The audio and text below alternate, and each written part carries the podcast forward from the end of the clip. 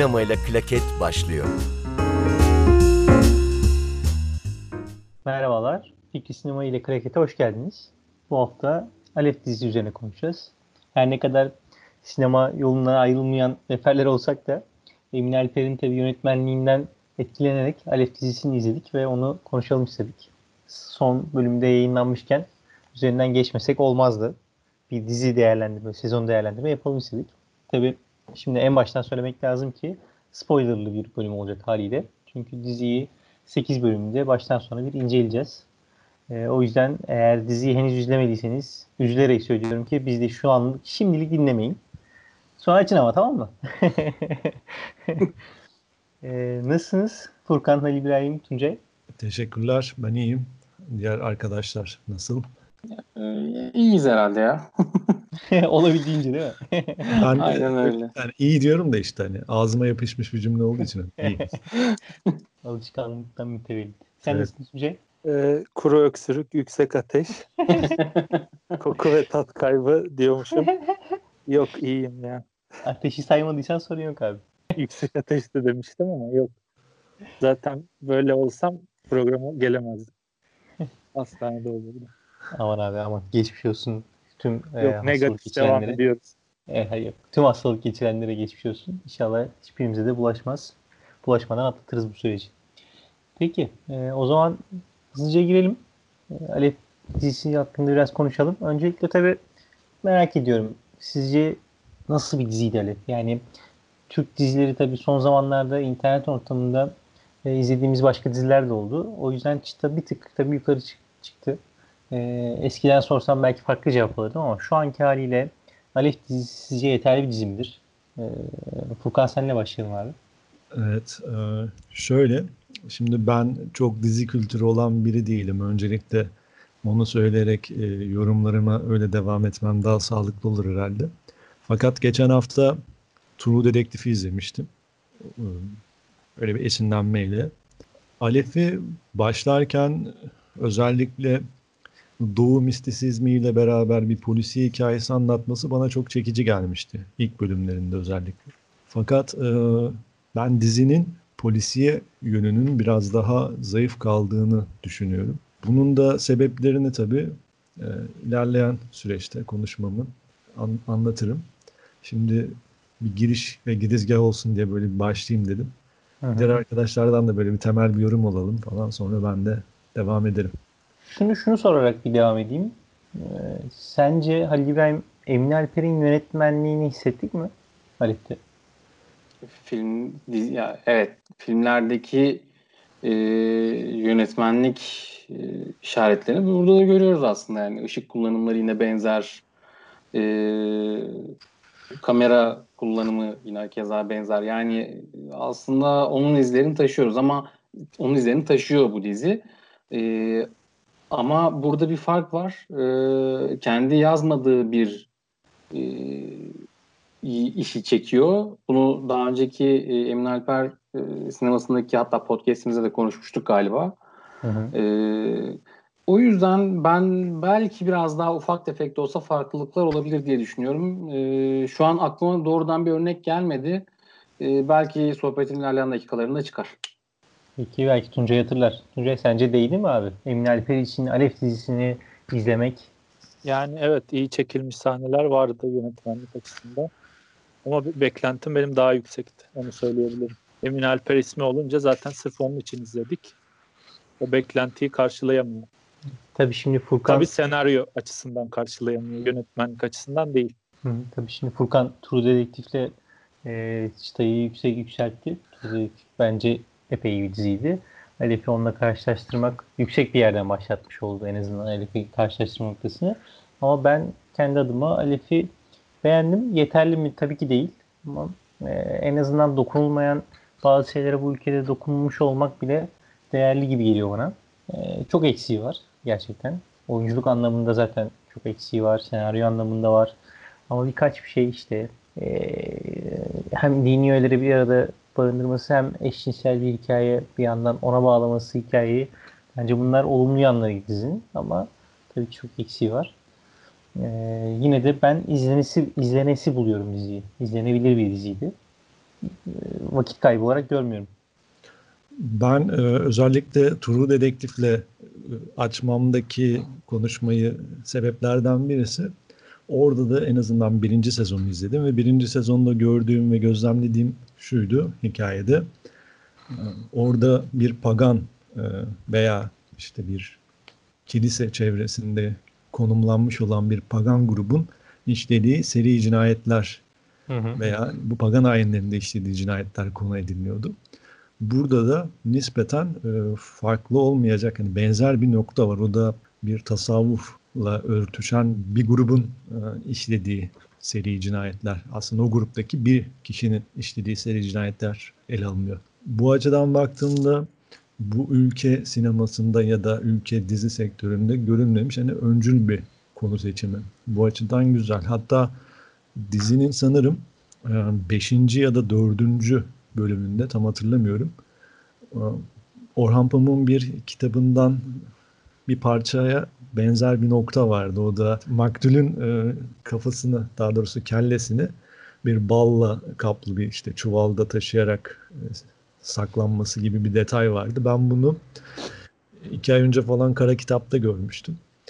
Aslında dizinin beslendiği noktalar işte çeşitli tarikat grupları, geçmiş Osmanlı'da yaşayan tarikat grupları ve bunun örtüşen bir tasavvufla alakalı bir durum var. Bunlar diziyi bu topraklara ait bazı öğelerle birleştiriyor. Bu güzel. Ama e, işin polisiye kısmına geldiğimizde ve karakterlerin yazımıyla ilişkilendirdiğimizde eksikleri var. O da örneğin aklıma gelen şu anda ilk e, eleştireceğim nokta şu olabilir. Biz Kemal karakterinin yaşadığı bir buhran var. Kızı ve karısını kaybetmiş. 9. bölüme kadar sürekli bununla alakalı bize çeşitli ipuçları veriyor. Fakat çevresinde sadece bir kişiyle bunu konuşuyor. Ve bunun sıkıntısını yaş- yaşıyor. Yalnız bir insan. Ama dizi bize bununla alakalı bir şeyler anlatacakmış gibi bir hisse büründürüyor başlarda. Daha sonra zaten ben son bölümde de şöyle bir detay gördüm. Onu sizler de fark ettiniz mi bilmiyorum.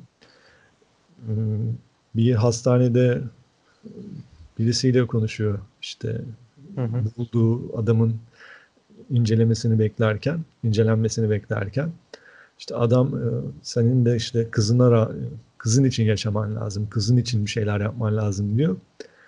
Orada bir anda farklı bir noktaya gidiyor. Aslında biraz metafiziğe kayıyor gibi bir durum var. Hatta dizinin de en sonunda biz üç tane hayal görüyoruz veya gerçek bilmiyoruz. Bu da şununla alakalı Osmanlı kültüründe ve tasavvufta da bu var. Şey denir, e, mecuplar hakikati daha çok görür, hakikati daha yakındır, gerçeği görebilirler tarzında yorumlar vardır. Bu tasavvufta da geç, gelene, tasavvuf geleneğinde de işlenen bir konu. Onunla örtüşen bir okuma canlandı benim kafamda. Orada sadece şuna itirazım var. Ee, tabii Kemal karakteri dizi boyunca eşini ve çocuğunu sürekli gördü, hayal etti. Ama oradaydı. O kendi yaşadığı buhranla ilgili bir hayali e, görüyordu. Ama son bölümde o adamın işte akli dengesi yerinde olmayan adamın kendi ilaç memesiyle zanneden adamın e, kızının içini yaşamalısın demesiyle ufacık bir yerde bir diziyi başka bir yere götürür gibi oldu ama sonra yine bağlayamadı. Ta ki finale kadar ama finalde de sadece yine kendi sorunlarıyla ilgili yani eşi ve çocuğunun yanına e, setleri de ekleyebildi. Yine kendi yaşadığı buhranların bir sonucuydu. Yani o adamın arada olması diziye çok bir şey katmadı bence. Altı boş bir e, nasıl diyeyim gönderme oldu orası. Evet. E, orayı iyi bağlayabilseylerdi belki dizi başka bir yere doğru giderdi. O konuda seninle en azından o konuda sadece hemfikiriz. Şu şu açıdan da önemli zaten. Hani bunu e, bu şekilde vermesi biz hani bir yere göz kırpıyor, oraya da devam etmiyor. O neden Olmuyor. öyle yapıyor? O, kafamda benim bir soru işareti olarak kaldı. Hı hı. Onun dışında dizinin işte 9. bölüm. Ya pardon 8. bölüm final bölümü. Bölmedi o 8 bölüm var. Hep 9 diye kalmış kafamda. 8. bölümüyle 1. bölümün dışındaki e, aradaki bölümlerin çoğu bana bir dolgu malzemesi gibi geliyor. Ve olayların işleyişini geçmişe dönelik çeşitli flashbacklerle de verebilir örneğin. Fakat daha kolaycılığa kaçmış durumda dizi işte. Sürekli bir diyalogla verme halinde. Bize uzun uzun yaklaşık ikişer, üçer dakikalık e, bir tarih anlatıyor. İşte İslami tarih, çeşitli edebiyat eserlerinden alıntılarla süslenmiş bir konuşma dinliyoruz sürekli. Ya bu da çok seri bir şekilde işleniyor. Mesela Nuri Bilge Ceylan'da da bu var ama daha yedirilerek, daha sindirilerek yapılan e, bir hamle olarak karşımıza çıkıyor. Ama burada o yapaylığı hissediyordum ben izlerken. Yani aslında 8 bölümün içinden birçok yeri kessek, kırpsak, o senaryoyla anlatmaya, diyalogla anlatma işlerini yok etsek ve 3 e, saate sığdırsak güzel bir film olabilir belki ya. Evet.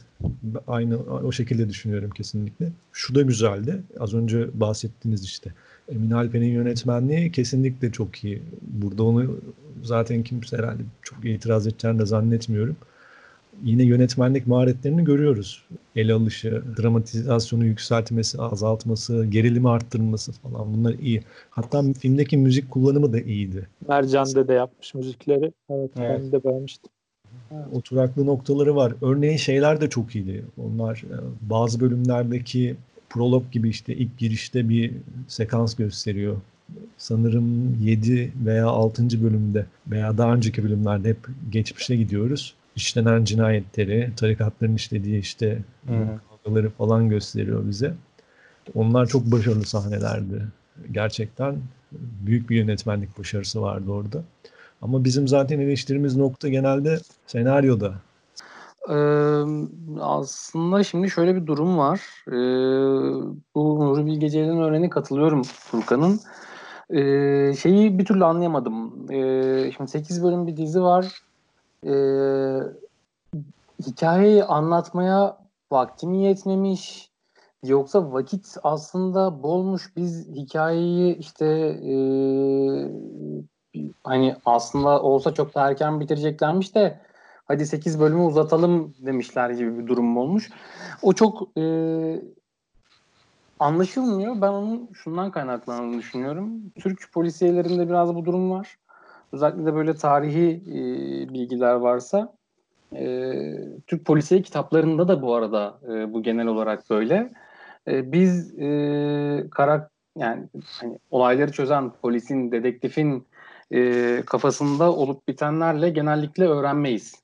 Genellikle diyaloglarla e, çözülür. Yani bir dedektif bir kişiyi keşfeder, o kişiyle konuşur, ondan öğrendikleriyle işte başka bir ipucu bulur, e, devam eder vesaire vesaire.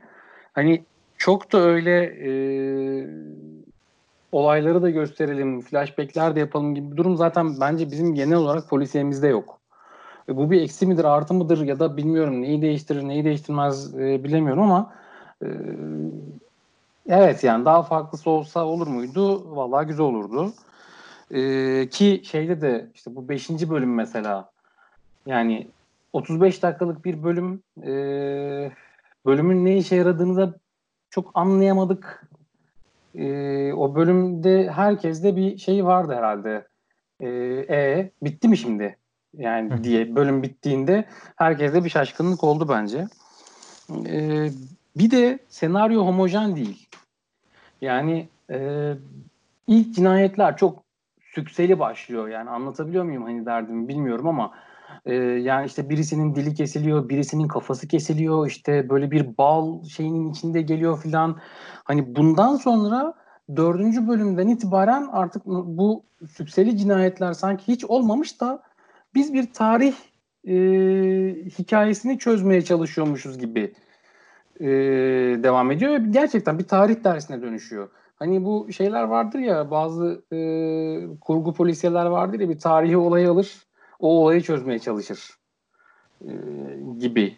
E, şu an aklıma örneği gelmedi ama yani bir o anlamda o kadar e, sert cinayetlerden bir anda böyle bir tarihi bulmacaya geçince e, ikisi aslında birbirinden çok farklı konseptler. Biraz da o yüzden e, sonlara doğru e, bence final kötü değildi ama e, 7. bölüme doğru biraz daha dizinin temposu mu düşüyor diyeyim artık. Adrenalini mi düşüyor diyelim.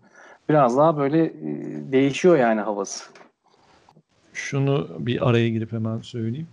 burada aslında hani az önce söylediğim o flashback bir yöntem hani aklıma ilk gelen. Burada başka şekillerde de yapılabilirdi tabii ama diyaloğa başvurmak en kolayca gelen bir yöntem benim için. Şöyle bir şey söyleyeyim ben. Tabii burada Halil İbrahim dediği çok doğru. Senaryo başta bize aslında daha doğrusu dizi diyeyim. Dizi ilk bölümlerde o e, cinayetlerle bize birçok şey vaat eder gibi oldu. Ama sonradan bir yerden sonra hikaye duruldu. E, o da şunun etkisi var tabii. İlk başta biz iki tane polisi izliyorduk. Kemal ve Settar'ın cinayeti, cinayet çözme çabalarını izliyorduk. Sonradan aslında Kemal'in üzerinden gidiyor olsa da Settar'ın hikayesine döndü iş. Daha karanlık, daha böyle kişisel bir hikaye olmaya başladı. Dolayısıyla iş cinayet dizisinden e, işte dediği gibi tarih anlatan ama bir kişiye de bağımlı bir e, dizi haline döndü. Zaten ben şunu da savunuyorum. Bizim işte ülkemizin e, çok yapabildiği bir şey değil polisi çekmek. Özellikle seri katil çekmek zaten ülkemizde de olan bir şey değil. Bunun dizisini çekmek de çok kolay değil. Şahsiyet bunu iyi başardı. Onda da Haluk Bilginer gibi bir oyuncu vardı ve kara mizaha kaçan bir senaryo vardı. İkisi çok güzel harmanlanmış ve birleşmişti. Ama onun dışında çok kolay iş değil Türkiye'de seri katil cinayetlerini çekmek. Alışkın olduğumuz bir şey değil bir kere. Dolayısıyla bunun eksiklerini yaşıyor e, Alef dizisi de. Ee, sana bir iki bir şey ekleyeceğim. Ee, dediğin gibi Settar'ın hikayesine dönüşüyor ve burada şöyle bir durum da var. Mesela son bölümde Settar'la Kemal'in karşı karşıya oturup konuştuğu evinde işte o diyalog sahnesini de izliyoruz. Ee, bu arada bence güzel de bir sahneydi o. Ee, şunu fark ettim ben o sahneyi izlerken. Dizi özellikle son iki bölümde hatta belki de son üç bölümde setleri biraz kenara çekiyor hı hı. aslında. Ve şey hani bu da dizinin havasını değiştiren şeylerden birisi. Onu çok da başaramıyorlar. Yani Evet. setlerin neden haberi var, neden haberi yok? Yani bir şeyler söylüyor, bir şeylerden haberi var ama bundan nasıl haberi oluyor ya da e, neleri bilmiyor biz çok bilmiyoruz. O da biraz muğlak kalıyor yani. E, Hı beni soğutan şeylerden birisiydi. Halil İbrahim'in ilk başta söylediği bir yorum vardı. Dizinin uzun olması mı yoksa daha mı kısa olması konusunda kafamda bir soru işareti var şeklinde. Ben onu şöyle yorumlayabilirim. Eğer hikaye daha detaylı işlenecek olursa bu hikaye daha uzun bir bölüme yayılabilir. Ama bu yöntemle ve bu şekilde işlenecekse ve işlendiyse eğer daha kısa tutularak da veya bir film gibi de sunularak da ulaştırılabilirdi. Burada, ben yine o zaman Emin Alper'e dönmek istiyorum.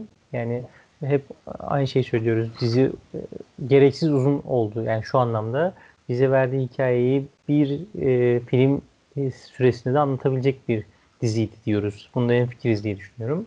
Ama bir yandan da işte Emin Alper'in yönetmenliğini de beğeniyoruz. Ama e, Emin Alper'in yaptığı işlerden de farklı bir işti kesinlikle. Bu anlamda karşılaştırırsak Tuncay Emin Alper'in diğer işleriyle kıyaslarsak e, Emin Alper vizyonunu da katmış mıydı sence? Öncelikle e, Halil İbrahim'in aldığı yerden devam edeyim. Onun yorumlarına Tamam. ek. Dediklerine katılıyorum. En büyük sıkıntı senaryoda senaryo kurgusu.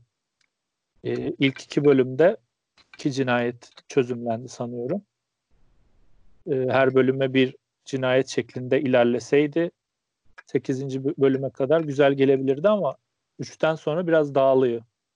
Furkan'ın dediği gibi açılış güzel, final de görece toparlıyor. Ama aradaki boşluklar detaylarda biraz biraz değil bayağı kusurları var.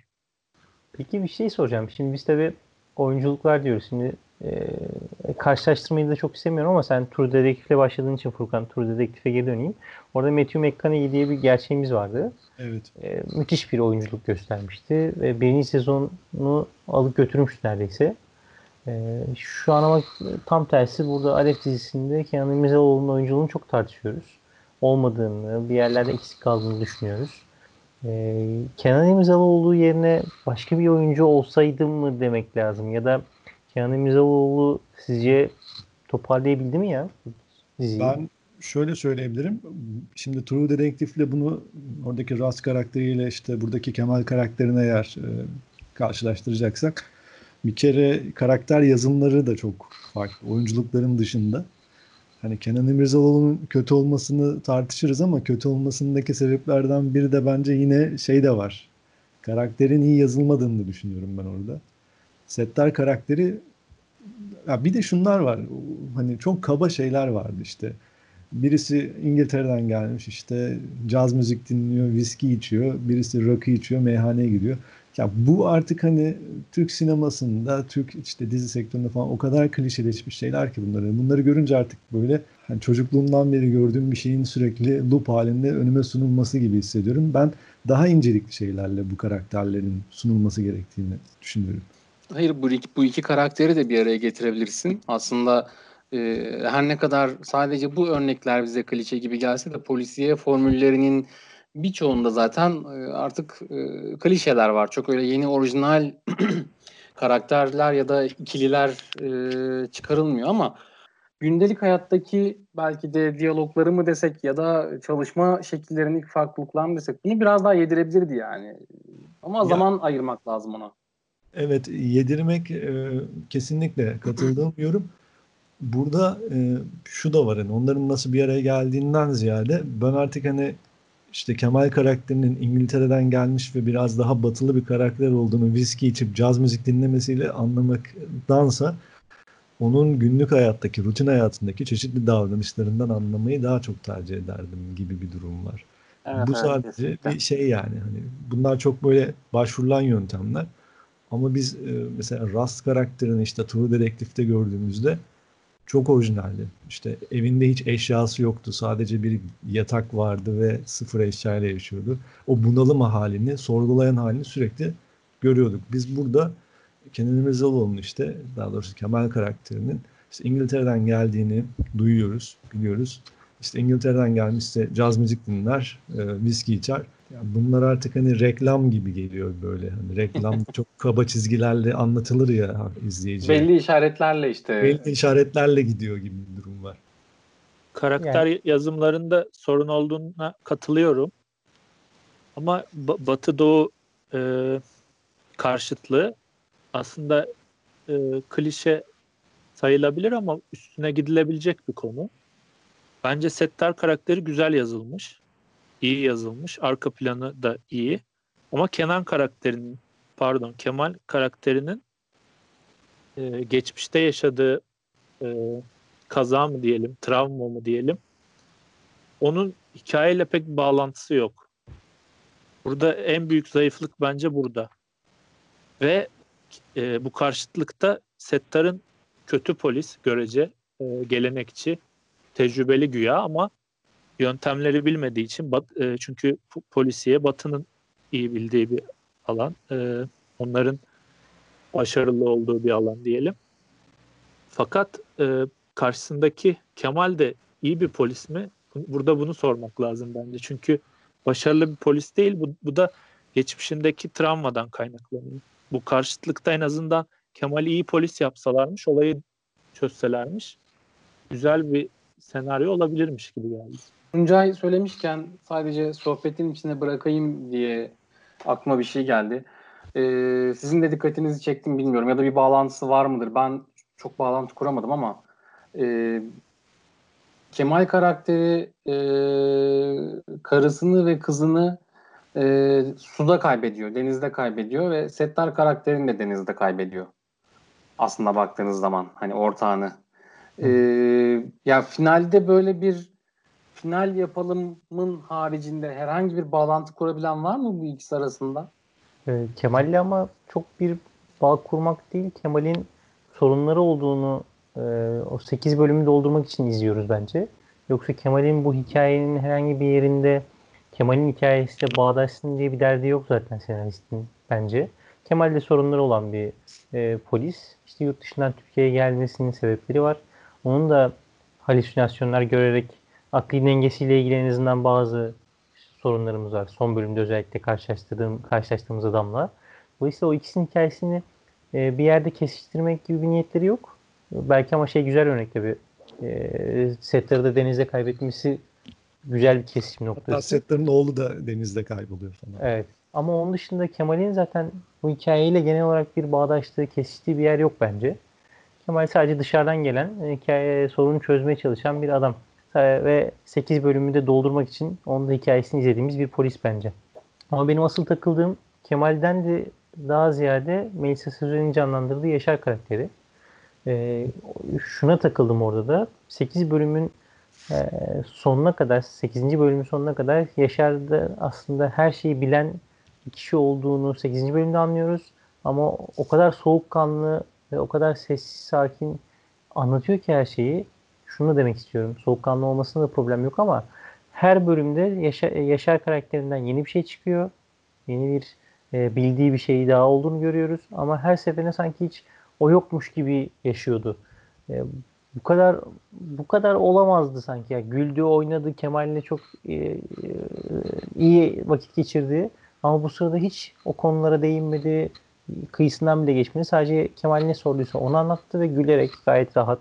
Sanki olayları çok uzağındaymış gibi. Aslında tam da göbeğindeymiş. Bunu anladık 8. bölümde.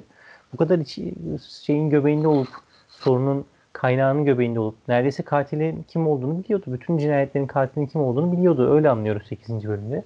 Bu kadar bilip bu kadar kenarda durması bana çok şey gelmedi. Altı doldurulmamış asıl karakter Yaşar gibi geldi.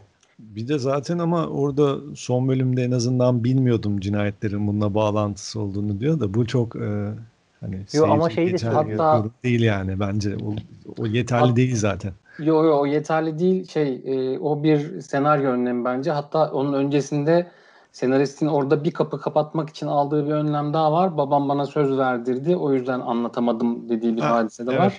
Evet. Ama şey yani evet yeterli değil bunlar yani. Keşke biraz daha e, yoğrulsaymış. Bu arada buradaki şey yorumu kesinlikle ve kesinlikle çok örtüşüyor. Yani çok güzel bir yorumu. Senaryo önlemi. Kapıyı kapatıyor ama o kapıyı kapatana kadar zaten o kadar çok şey yapıyor ki senaryo. Kapı kapanmıyor bir türlü. o kapı kapatma olayını dediniz 7. bölümde yapıyor. Sek hani part part konuşuyor. O dediğin gibi sıkıntılı gerçekten Ahmet. 8. bölümde de Celal ile olan aşkına bağlanıyor. Yani o evet, yüzden evet. söyleyemedi gibi. Ama yine de sıkıntı var. Yani şunu demek istiyorum. Yo yo iyi bağlandığını düşünmüyorum bu arada. Evet evet. Yani 7. Ekleme. bölümde Aynen. 7. bölümde babası üzerinden bir kapatıyor ama 7. bölüme kadar hiç konuyu bir yere getirmiyor. Bilmiyormuş gibi davranıyor ve çok iyi davranıyor bunu yaparken. Olayların çok dışındaymış gibi davranıyor. 7. bölümde babası yüzünden bir şeyleri söyleyememiş. Sadece dergah yaşantısı, babasının o e, diğer hayatıyla ilgili bir şeyi söylemiyormuşa getiriyor konuyu. Yine hiç e, aslında cinayetlerin göbeğinde olmasına rağmen o konulara hiç girmiyor. E, ve bunu ruhsal olarak da girmiyor. Yani biz Melisa Sözen'in karakterinden, Yaşar karakterinden işin göbeğinde olduğunu hiçbir zaman anlayamıyoruz. Bırakın göbeğinde olmayı bu işlerle alakası olduğunu bile hiç anlayamıyoruz. Bu da başarılı olarak söylemiyorum. Yani o kadar başarılı gizlediler ki demiyorum. O kadar altı dolmamış ki diye söylüyorum. Son bölümde de Celal'e aşık işte yani asıl e, katilin ne olduğunu farkında biliyor. İşte Güneş'le ilişkisini biliyor Celal'in. Her şeyi biliyor aslında. Bu kadar her şeyi biliyorken hiçbir şeyin içinde olmaması bence çok şey kaldı. Yavan kaldı. Orada bir de şöyle bir durum da var. Ee, şimdi mesela Yaşar karakterini biz dizide hiç tek başına görmedik bir karenin içinde. Yani çünkü Yaşar'ın iç dünyasıyla ilgili bize herhangi bir ipucu vermiyor dizi. Ee, bunun sebebi de şu, e, hikayeyi kurgularken e, şunu yapmak istemişler.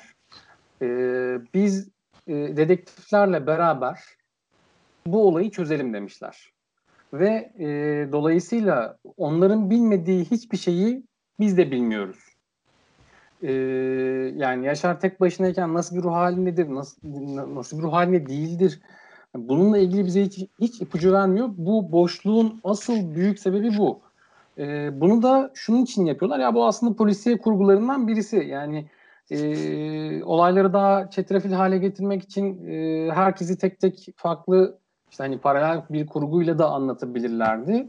E, onun yerine bize daha çok e, aslında hani nasıl desem e, Kemal karakterine e, kafasına takılmış bir tane şey e, işte aksiyon kamerasıyla hani bütün bir diziyi bitirsek belki de bu kadar olabilirdi yani. yani çünkü zaten e, sürekli olarak onun iç dünyasındayız ya da setlerin iç dünyasındayız.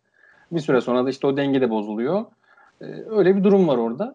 E, bunun Ama- temel sebebi de çok özür dilerim abi çok kısa Yok. bir şey kaldı. Ben Bunun temel zaten. sebebi de şey e, dizi ya bu polisiye hikaye bize e, katili bulma imkanını vermiyor. Yani işte Agatha Christie'nin kitaplarına bakın ya da işte e, hatta Ahmet Ümit'in kitaplarına bakın, hikayelerine, polisiye hikayelerine bakın. Onlarda tahminler yürütebilirsiniz. Hatta birçoğunda tahmin bile edebilirsiniz. Biraz dikkatli okuyucular hatta böyle benim Agatha Christie kitaplarını e, böyle kağıt kalemle okumuşluğum falan da vardır. E, tahminlerde de bulunabilirsiniz. Doğru tahmin de yapabilirsiniz hatta.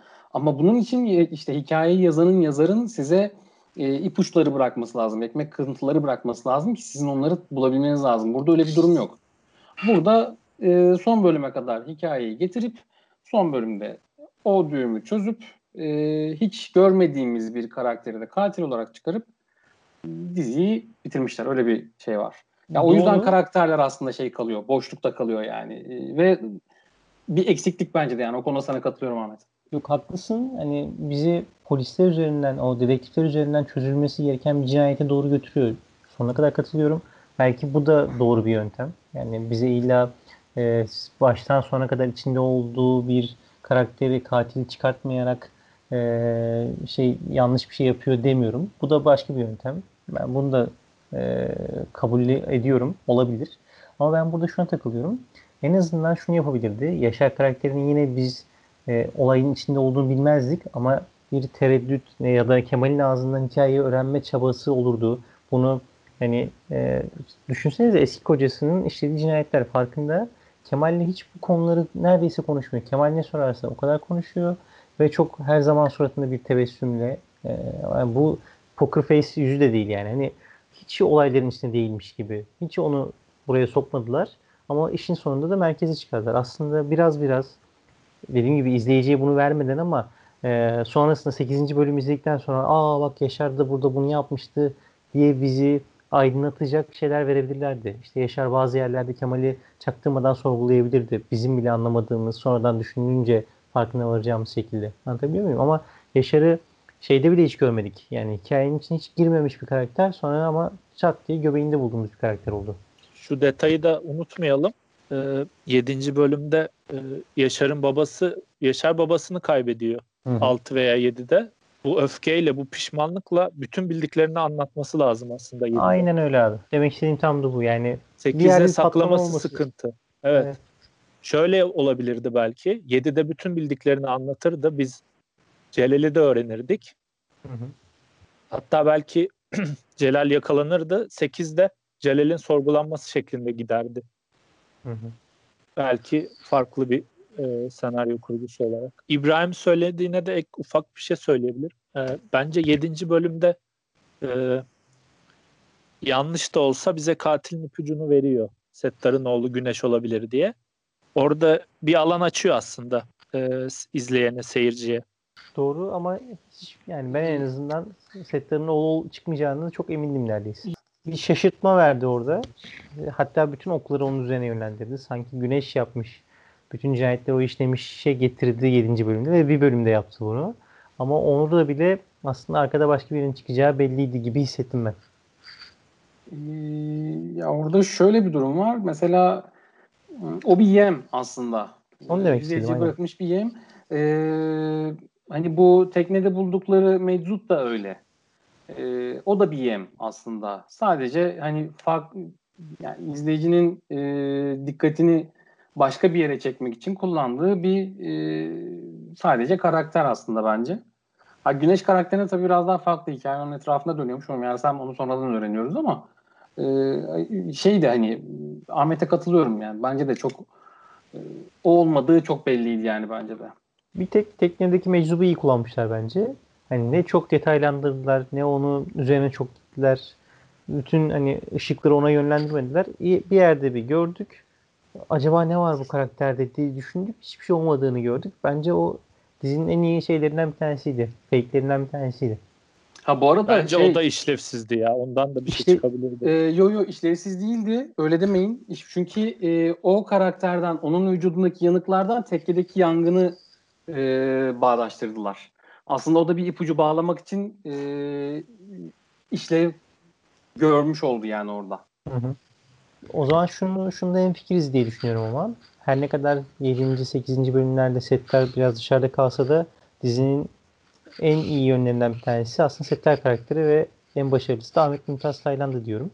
Ee, bence burada hem fikiriz diye anladım ama ne dersiniz Ahmet Mümtaz Taylan'ın evet. oyunculuğu ile ilgili? Ya iki karakterin sorunlu olduğunda en fikiriz sanırım. Yaşar Hı. ve Kemal. Hı hı. Fakat Settar karakteri bir süre sonra e, olayın içine de giriyor. Hı hı. Geçmişinden dolayı, oğlundan dolayı. Bence çok başarılı yazılmış. Belki de işte o kötü oyunculuk dedik ya, iyi yazılmadığı için kötü oynuyor belki de.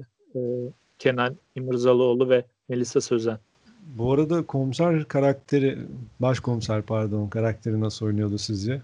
Başkomiser karakteri tipik bir başkomiser çizmeye çalışmışlar. Hani normalde dizilerde, filmlerde bir başkomiser gösterirler biraz daha uçuk kaçık, biraz daha hani e, nasıl diyeyim çok bilgili, daha koruyucu falan bir başkomiser. Bu sefer tamamen yurdum insanı koymuşlar. Bir de böyle de demek istemişler bence. Biraz mizah katmak için konmuş. Bence iyiydi ama biraz da abartı gibi yani bilmiyorum. Bana da çok abartı geldiği için aslında böyle bir soru sordum hani. Biraz hani, Behzat Ç. karakteri gibi. Settar karakterini şuna ekleyeyim. İyi yazılmış dedik diğer iki karaktere göre. Ama onda da sorun şuydu. Fazla amatör bence. Ee, özellikle Kemal'le tartıştıktan sonra küsüp artık şeye devam etmemeye başladı. Yani bir cinayet çözümleniyor hem de seri cinayet. Bir komiserin bu kadar amatör davranıp e, partnerine küsmesi, işi yarım bırakması bence hiç olmamış. Ama orada şu değil mi Tuncay? Yani doğru küstüğü yer biraz amatörce kalıyor ama sonrasında bir de oğluna bağlandığı için aslında kendini geri çekmiyor mu? Sadece Kemal'e küsmesi değil aslında. Bir yerde işin ucunda da oğlunun olduğunu hatta bence Settar bütün cinayetlerde oğlunun işlediğine inanıyor artık. O yüzden kendini geri çekmiyor mu? Hatta e, ben burada ufak bir ekleme yapıp biraz daha ileri götüreyim. Bir de şey durumu da var. Biz her ne kadar çok farkına varmasak da e, diziyi izlerken e, kalp krizinden sonra bu adam aslında mesaide değil. ya o da aşağı yukarı o kavgadan sonraki bölüme denk geliyor yani. Ama işte e, Tuncay'ın dediği hani küstükten sonra gittiği yerde bir de bu kalp krizini yaşayıp böyle hani yani diyorum işte o Settar karakterini ekarte etmek istemişler. Bir kenara almak istemişler. Hikayeyi yani dedektiflik e, kısmını Kemal'e yönlendirmek, yoğunlaştırmak için ama olmamış yani.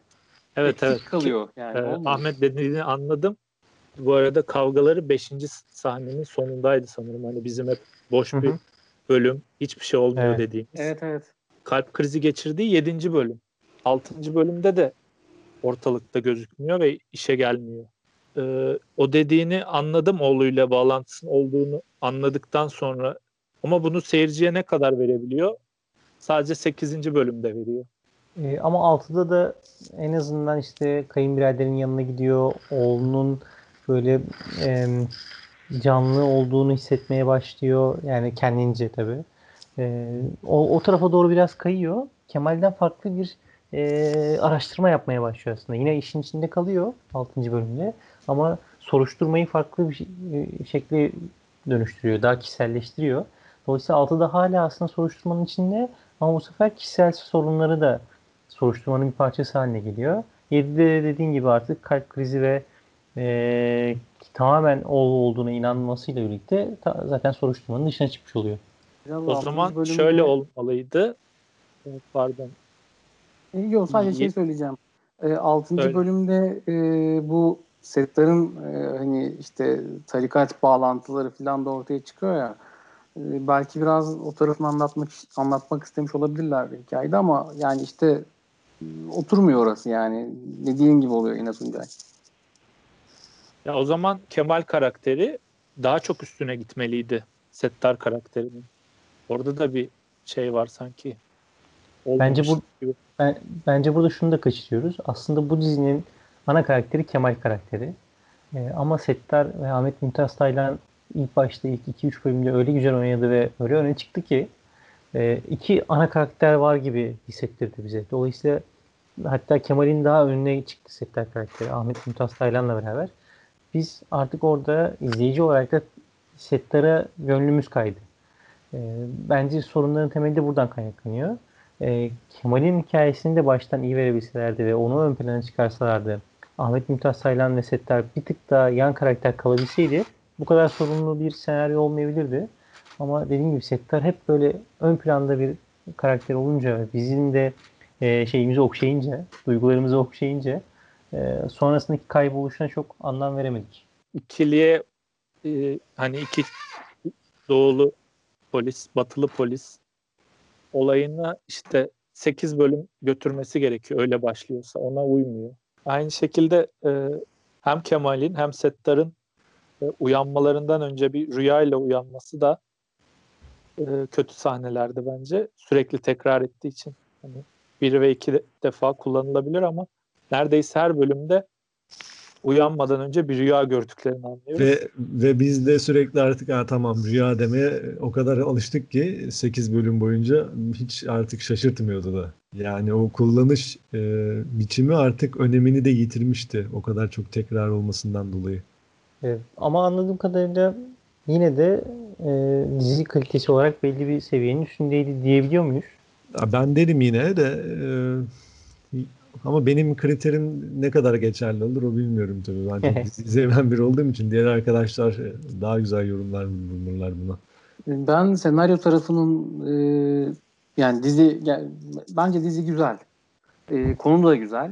E, yani toplanan bilgiler de güzel. O kadar orada çünkü bayağı mesai yapılmış bence. E, ha, zaman harcanmış o iş, emek verilmiş. Ama senaryo tarafında rafine bir iş çıkarılmamış ortaya. Ben de aynı düşünüyorum bu arada seninle. Yani aslında işlense daha iyi işlense çok daha iyi bir şey çıkabilirdi ortaya. Tuncay aslında iyi bir e, aslında iyi bir yerden çıkıyor. İyi bir öyküden yola çıkıyor. Bu arada şu detayı hoşuma gitmişti. E, Celal ve Güneş'in aşkı e, Mevlana Celaleddin. Rumi ile Şemsi Tebriz'in aşkı. Hatta Şems Arapça güneş demek. Mevlana Celaleddin'de Celal oradan Hı-hı. güzel bir bağlantı kurulmuş. Ve İstanbul'a da uyan bir hikaye. Ee, tarihi e, şeyler de izliyoruz. Üçüncü bölümdeydi sanırım. Çok iyi bir sahne izliyoruz. Ee, ta, e, dergah yangını mı diyelim. Hı-hı. Yani iyi bir yerden yola çıkıyor aslında öykü ve e, bu Mevlana olayı Elif Şafak çok fazla kullandı aslında biraz suyunu çıkardı. Ama romanlarda görüyoruz ama televizyonda, filmlerde pek görmediğimiz bir ana öykü tema olarak. Bunu kullanması hoşuma gitmişti yani. Temel olarak iyi bir yerden çıkıyor aslında. Tabii bir de şey anlatılması zor demek dediğim oydu aslında. Hani sünni bir e, toplumda ağırlıklı olarak sünnilerin yaşadığı bir toplumda diğer e, olmak, azınlık olmak durumu var ya bizim ülkemizde biraz da. E, onların hikayesini anlatmak da çok kolay değil. E, ve hep de böyle e, bir şey yapıyorsa e, sünni tarafı doğrusunu yapıyordur gibi anlatılır ya hep. E, o yüzden bu hikayenin bu anlamda da bence değeri var. E, başka e, dini, din de inançlarda başka pencerelerin de olduğu ve bunların da kendi doğrularının olduğu e, ve yeri geldiğinde çok da eziyet çektiklerini görmek, göstermek başarılı bir iş. Evet, heterodoks İslam dedikleri ve Ortodoks İslam ikisinin Hı-hı. çatışması daha önce pek işlendiğini bilmiyorum. Hı-hı. Herhalde ilk evet. defa işleniyor. Bu olayı eşcinsel bir aşka bağlamaları da herhalde ilk ve orası da hoşuma gitmişti 8. Aynen. bölümde. Katılıyorum. Ben de olumlu bulduğum taraflar bunlar.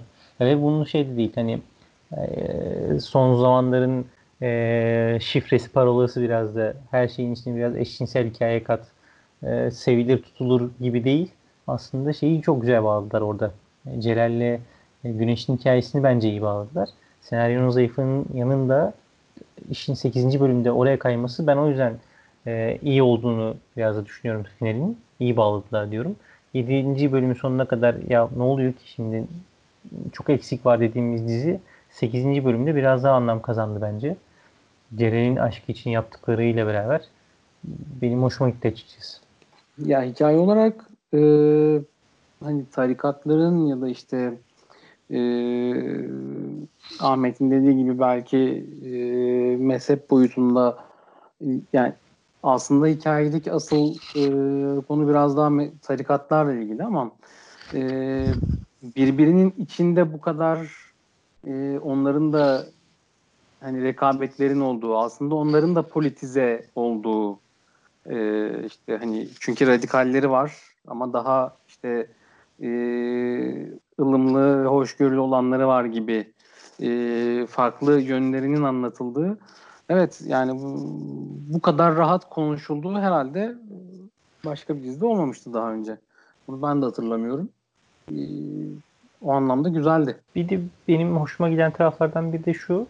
İşte İstanbul'un güzelliğini göstermeye çalışan filmlerde işte yok son zamanlarda özellikle moda olduğu için drone'la oradan oraya girelim farklı yerlerden İstanbul'u gösterelim gibi bir çaba olur ya hani illa o İstanbul manzarasını gösterme gibi.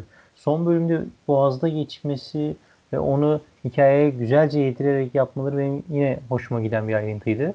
Yani illa Boğaz'ı böyle tepeden de göstereyim, oradan da göstereyim. Aman bizim derdimiz İstanbul'u göstermek gibi bir bakış açısı değil. Hikayenin bir parçası haline getirdiler İstanbul'u. Yani bu şeyin, bu cinayetin önemli unsurlarından bir tanesi de İstanbul'du gibi hissettirdi. İstanbul bence filmdeki başrollerden de biriydi o açıdan önemli. Ama çok incelikliydi gerçekten benim daha çok ilgimi çeken bir İstanbul manzarası vardı. İşte Karaköy sokakları, aşağı iniyor Balata. Dediğin gibi bir şaşalı bir boğaz gösterimindense daha bizim e, oraya gittiğimizde gördüğümüz o perspektiften yansıtıyor. Bunlar bana daha çok geçti zaten. Ve özellikle karanlık İstanbul sokaklarındaki o sarı ışıklar altındaki işte karakterlerin o tek başına olan bazı sahneler vardı. Onların yalnızlığını falan gösterdi. Güzel detaylar vardı o açıdan. Yani konuşmanın en başında söylediğimiz gibi yönetmenlik e, başarısı bunlarda zaten. Aynen aynen öyle katılıyorum ben de buna. Bir, bir eksiklikte Settar'ın arabasının son bölümlerde olmaması oldu bence. O şeye de alışmıştık. Ama hikayenin parçası gibi olmuş öyle değil mi? İlk bölümlerde özellikle Settar arabadayken çalan müzikle beraber aslında bir bize dizinin e, ayrılmaz bir parçası haline getirdi e, o ee, anları. O da genelde aslında bir polisiye e, klişesidir. Hani dedektiflerin mutlaka e, genellikle eski bir arabası olur. Hani mesela e, işte Ahmet Ümit'in e, kitaplarındaki baş karakterin e, bazı kitaplarda hangi kitap olduğunu şu an hatırlayamıyorum ama mesela işte bir Renault 12'si vardı herhalde yanlış hatırlamıyorsam. Ee, yine böyle eski işte bizim Düldül diye bahsettiği. Ee, buna benzer böyle e, şey hani yani polisiye klasikleri mi diyelim artık hı hı. E, olabiliyor. Buradaki de güzeldi. Dikkatle çekiyor ve seyirciyle bağ da kuruyor yani. Peki Alef dizisi söyledik deminden beri söylüyoruz da 8 bölümden ziyade filmlik hikayesi var diyoruz ama finali sizce nasıl bağlamışlardı? Yeterli oldu mu? Tatmin edici miydi? Ben şöyle düşünüyorum biraz. Ee, yani finaldeki olay örgüsü ve olayların çokluğuna baktığımda ve zaten az önce söylediğim sanırım birinci ve işte bir, iki veya sekizinci bölüm gayet iyiydi. Akışkan. Fakat aradaki çoğu bölüm bize çok bir şey sunmuyordu. Finaldeki bazı detayları önceki bölümlere sarkıtabilip çeşitli ipuçlarını önceden vermeye başlasaydı bence daha başarılı olurdu. Ama tek başına finale baktığımda başarılıydı. Kotarmıştı hikaye örgüsüyle özellikle. Ben finali de beğenmediğimi belirteyim. Ee, sanki denizde de bir aksiyon çekelim biraz adrenalin olsun diye. Hatta konu Montreux Boğazlar Sözleşmesi'ne kadar gidiyor. evet o ben, da vardı. Doğru doğru. Bence olmamış. Ya ben orada şunu düşünüyorum. Montreux'e falan bağlama işi biraz gerçekten e, içimizden değil dışarıdan birine bir hikaye anlatıyor'ya dönmüş. Hani Türkiye ile ilgili filmler, diziler çekerlerde arada Türkiye'de de böyle oluyor gibi bir cümle sadece geçirirler ya. Montreux biraz da oydu. Ha Türkiye'de de Montreux vardı evet Boğazlar'da gibi bir yine Halil İbrahim'in hep söylediği tarih anlatımını gibi bir şey oldu o da. Ee, bir ders verdiler yine bize sağ olsunlar. Montreux'de vardı unutmayalım diye. Ama onun dışında ben şeyi beğendim. Ben finalin Boğaz'da geçmesi ve abartılı bir sahneyle geçmemesi bence iyiydi ya. Ben iyi bağladıklarını düşünüyorum finali. Ben tatmin oldum. Yani 7. bölüme kadar böyle enerjimiz düşmeye başlamıştı ve ne oluyor şimdi bu dizi nereye gidiyor derken 8. bölümde ben iyi bağlandığını düşünüyorum. Beni tatmin eden bir final oldu diyebilirim. Final bence e, bu kadar olabilirdi yani. Olabilecek en iyi e, şekilde bağlamışlar. E, zaten e, dizinin yapısı gereği hani son bölümde çözülecekti. Bir mini dizi diyebiliriz 8 bölümlük bir diziye. E, bence fena değildi yani. Ben sevdim finali. Ya bir de şunu da söylemek gerekiyor. Hikaye o kadar çok artık dağılıyor ki daha doğrusu dağılmıyor. O kadar çok yavaşlıyor ki veya o kadar çok ıı, bir şeylerden kopuyor ki finalde ancak bu şekilde kotarabilirdi. O yüzden başarılı aslında. Tekrar olacak ama e, yani en azından Celal diye biri olduğunu 7. bölümde anlasak Evet evet. e, Yaşar karakterinden mi olur artık kim tarafından bilmiyorum. 8'de onu arasak bulamasak veya dediğim gibi bulsak da onu sorgulasak ondan öğrensek detayları bilmiyorum. Sanki daha iyi olurdu. Doğru doğru yani o gereksiz 5. ve 6. bölümün yerine biraz daha öne çekip Celal'i de bir bölüm öne çekme işi daha dolu dolu geçirebilir diziyi haklısın. Ben de aynı fikirdeyim o. İşte ben ama burada mesela birazcık yine içimdeki muhalife engel olamayacağım galiba ama. ya Buyur bu, abi, bu, söyle. bu, bu, bu bir tercih bence. Yani hani e, burada sadece e, evet bir karakter belirleyip bu karakteri herkesten saklayıp en sonunda ortaya çıkarabilirsiniz. E, sadece bunu yaptığımızda e, yani öncesini iyi doldurmak gerekiyor. Burada biraz onun sıkıntısı vardı. Hani işte o diyoruz ya 5. bölüm çok boşlukta kaldı. İşte Settar karakterinin kenara çekilmesi biraz e, eksik kaldı falan diyoruz ya. Hani onları düzgün yapsalar da aslında bu bizi bu kadar rahatsız etmezdi belki. E, o yüzden bir şey var finalde hani havada kalmış.